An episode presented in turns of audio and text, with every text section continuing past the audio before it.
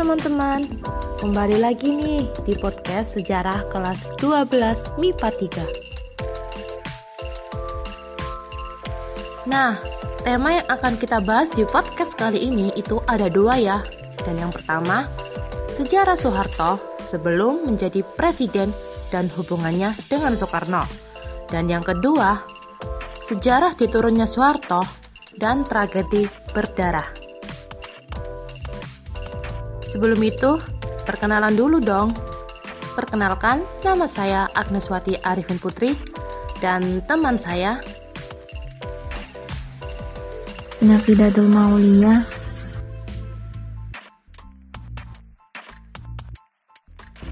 Oke, sebelum mulai, aku mau nanya nih. Bagaimana kabar kalian hari ini? Semoga sehat selalu ya dan pastinya harus tetap semangat ya. Oh iya, buat yang masih sekolah nih, gimana PAS-nya? Lancar kan? Semoga lancar sampai hari terakhir ya. Semangat terus.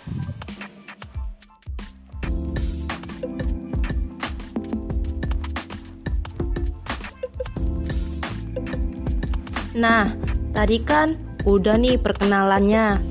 Langsung aja ya kita bahas tema kita kali ini. Jadi, tema kita kali ini tuh tentang Soeharto. Siapa sih yang nggak tahu Presiden Soeharto itu?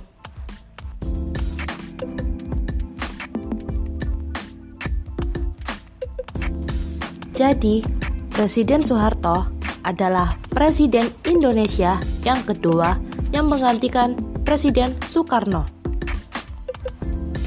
Muhammad Soeharto atau yang dikenal dengan Presiden Soeharto lahir di Dusun Kemusuk, Desa Argomulyo, Kecamatan Sedayu, Bantul, Yogyakarta pada tanggal 8 Juni 1921 dan beliau meninggal di Jakarta tanggal 27 Januari 2008 pada usia 86 tahun. Beliau menjabat Presiden Indonesia yang kedua dari mulai tahun 1967 sampai 1998. Nah, di dunia internasional, terutama di dunia barat nih, Soeharto itu sering dirujuk dengan sebutan populer The Smiling General atau biasa disebut dengan Sang Jenderal yang tersenyum. Pasti udah tahu dong kenapa Presiden Soeharto disebut Sang Jenderal yang tersenyum. Ya pasti karena raut mukanya yang selalu tersenyum di muka pers dalam setiap acara resmi kenegaraan.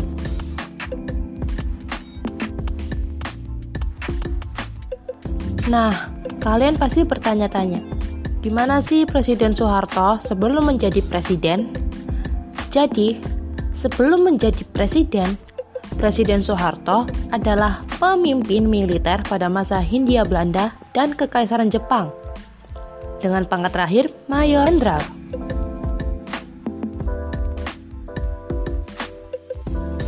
Presiden Soeharto juga ikut dalam gerakan 30 September 1965.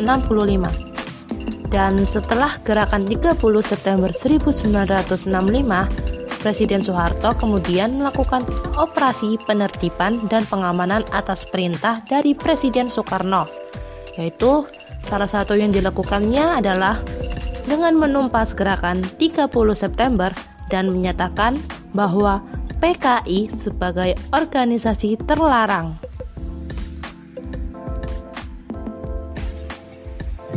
Oh iya, katanya dalam berbagai kontroversi menyebutkan operasi tersebut menewaskan banyak orang. Apa itu benar? Ya, itu benar sekali dalam berbagai kontroversi menyebutkan operasi ini menewaskan sekitar 100.000 hingga 2 juta jiwa. Namun, jumlah ini patut dipertanyakan karena korban dari gerakan 30 September juga banyak.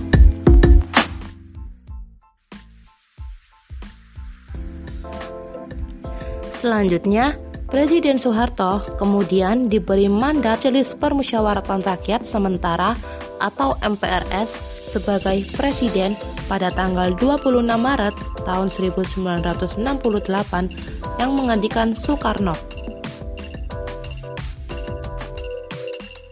Dan resmi menjadi presiden pada tahun 1968.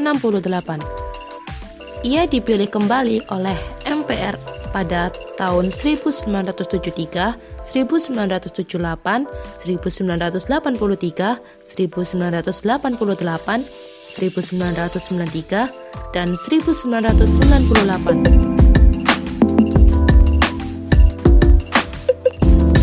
Pada tahun 1998, masa jabatannya berakhir setelah mengundurkan diri pada tanggal 21 Mei tahun tersebut. Menyusul terjadinya kerusuhan Mei 1998 dan pendudukan gedung DPR atau MPR oleh ribuan mahasiswa. Ia merupakan orang terlama yang menjabat sebagai Presiden Indonesia. Selama hampir 32 tahun pemerintahannya, Soeharto meletakkan fondasi pembangunan di Indonesia melalui Repelita. Dalam masa kekuasaannya yang disebut Orde Baru, Soeharto membangun negara yang stabil dan mencapai kemajuan ekonomi dan infrastruktur.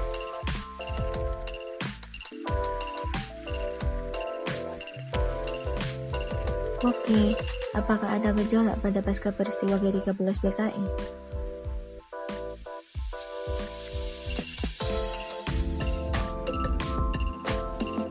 Tentunya ada dong gejolak-gejolak tersebut. Gejolak aksi mahasiswa pasca peristiwa gerakan 30 September 1965 cukup menggoyang pemerintahan. Soekarno yang mestinya memimpin rapat kabinet di Istana Merdeka pada tanggal 11 Maret 1966 harus segera pergi meninggalkan tempat. Soekarno saat itu meninggalkan istana kepresidenan di Jakarta setelah mendapat laporan adanya pasukan liar yang bergerak di luar istana.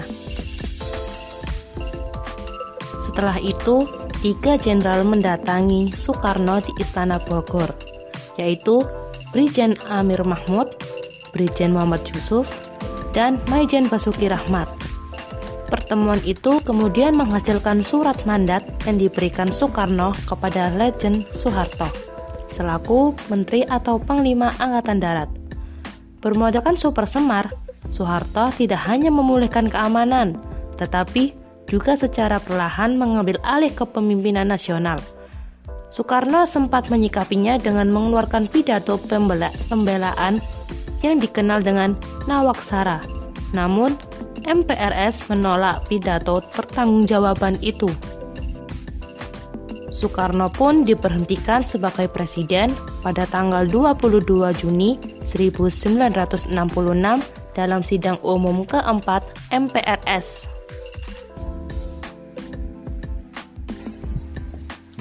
Mengapa Soeharto ditunjuk sebagai presiden oleh Soekarno? Nah, pertanyaan bagus nih. Pada hari ke-7 bulan Februari 1967, Presiden Soekarno mengirim dua surat kepada Soeharto. Dalam salah satu surat, Soekarno mengatakan bersedia menyerahkan kekuasaan eksekutifnya kepada Soeharto, tetapi penyerahan itu dengan suatu syarat, Soekarno tetap dipertahankan sebagai kepala negara yang berwenang menyatakan perang serta mengangkat dan menerima duta besar.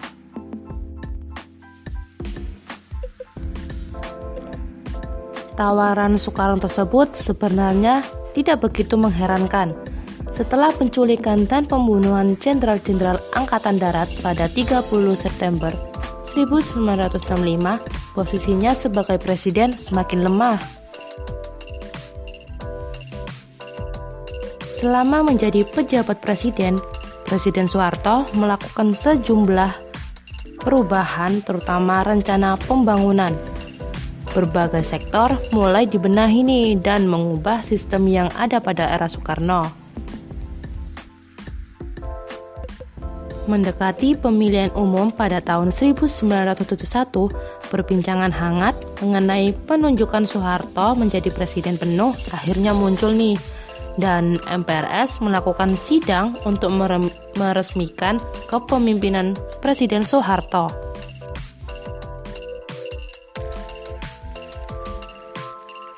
Dan pada akhirnya diadakan musyawarah pleno keempat MPRS. Beberapa pihak menyuarakan pendapatnya untuk mengangkat Presiden Soeharto menjadi presiden secara penuh. Mereka adalah perwakilan dari masing-masing partai dan wilayah di Indonesia. Dan akhirnya terjadilah kesepakatan bersama pada tanggal 26 Maret 1968. Presiden Soeharto dinyatakan sebagai presiden penuh untuk memimpin Indonesia. Oh, jadi itu alasan Soeharto ditunjuk sebagai presiden. Yap, itulah alasannya kenapa Presiden Soekarno menunjuk Presiden Soeharto sebagai presiden untuk menggantikannya.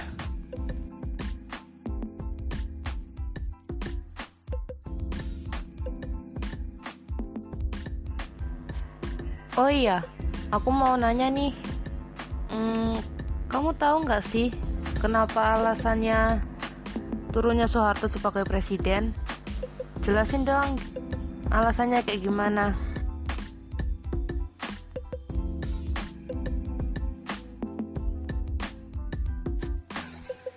Haji Muhammad Soeharto adalah sosok nama besar yang memimpin Republik Indonesia selama 32 tahun. Namun akhirnya ia harus meletakkan jabatannya secara tragis. Alasan dibalik turunnya Soeharto sebagai presiden, yaitu ia didemonstrasi oleh mahasiswa dan rakyat, didukung para pengkritiknya yang sudah lelah dan muak dengan kepemimpinan Soeharto. Akan tetapi, di balik itu semua bukan semata-mata karena desakan demonstrasi mahasiswa 1998, ia turun dari kursi kepresidenan melainkan lebih diakibatkan hilangnya dukungan dari para pembantu dekatnya yang sebelumnya ABS, asal bapak senang dan ambisius tanpa fatsum politik. Namun, ternyata Soeharto terpilih kembali menjadi presiden periode 1998 sampai tahun 2003 pada sidang umum MPR tanggal 1 sampai 11 Maret 1998 didampingi B.J. Habibie sebagai wakil presiden.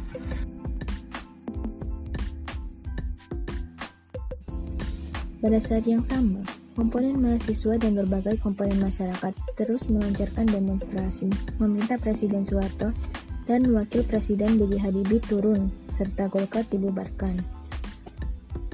Selain itu, disebabkan perilaku korupsi, kolusi, dan nepotisme di negeri yang sangat merajalela dan menyengsarakan masyarakat.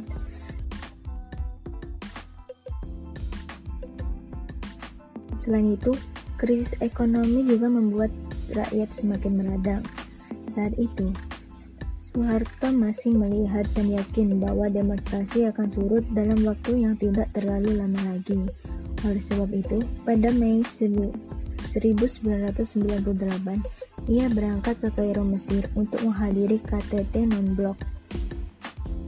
Peninggal Soeharto, dalam beberapa hari kemudian, suasana Jakarta semakin mencekam.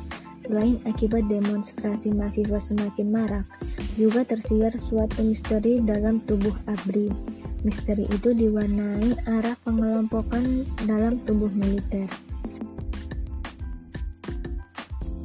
Selain banyak aktivis pendemonstrasi hilang entah ke mana, juga diisukan ribuan anggota militer menghilang dari kesatuannya, membawa persenjataan lengkap dan amunisi cadangan.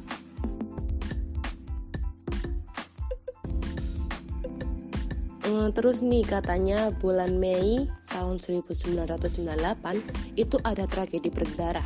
Kejadiannya kayak gimana sih? Jelasin dong.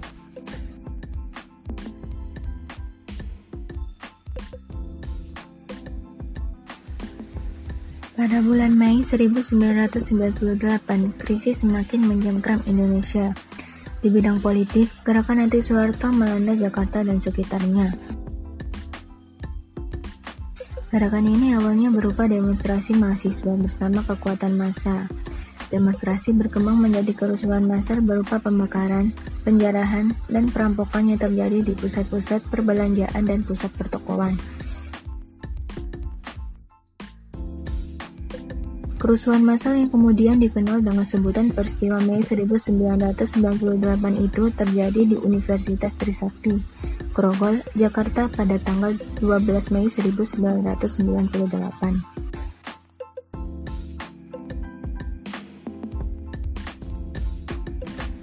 Aksi damai mahasiswa yang diikuti oleh mahasiswa, dosen, pegawai, dan para alumni Universitas Trisakti di Grogol ini dimulai sekitar pukul 11 WIB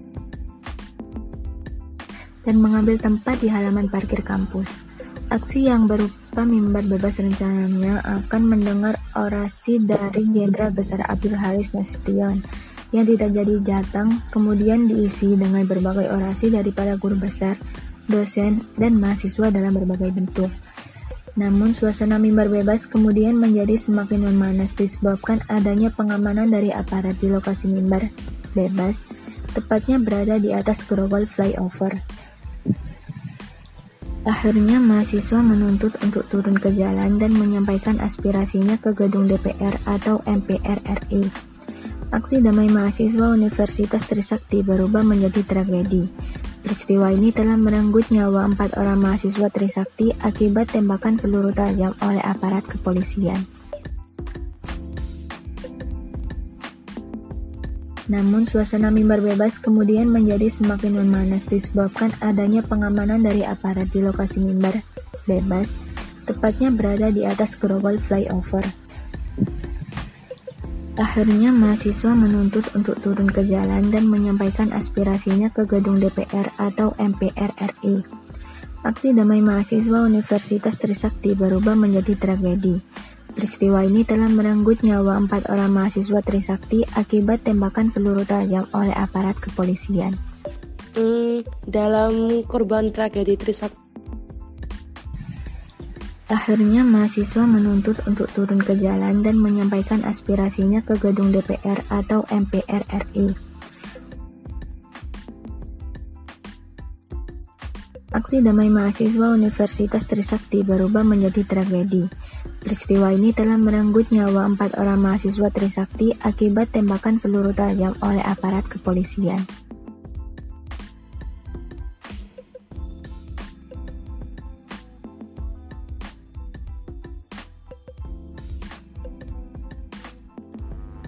Oh iya, apakah korban tragedi Trisakti itu beneran menewaskan empat orang mahasiswa atau ada yang lain lagi?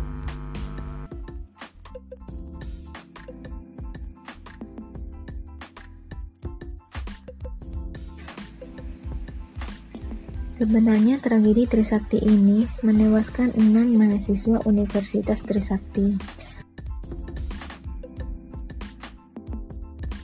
Dua mahasiswa meninggal di luar lingkungan kampus, sedangkan empat mahasiswa meninggal di dalam lingkungan kampus.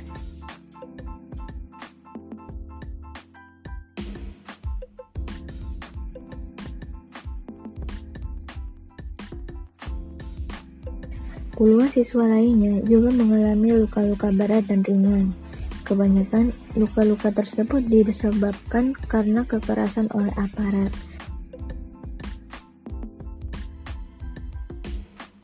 Seperti pukulan-pukulan benda tumpul, memakai pentungan atau rotan, terkena gais air mata, bahkan banyak juga yang terkena tembakan dari senjata aparat.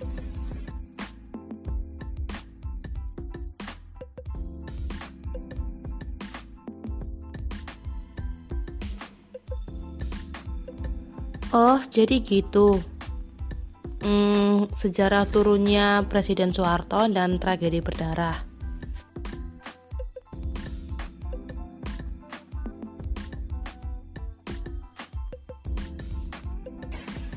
Oke, sampai di sini pertemuan kita kali ini. Semangat terus ya teman-teman. Oke, terima kasih telah mendengarkan podcast kami yang bertemakan tentang Presiden Soeharto. Sampai jumpa kembali, teman-teman.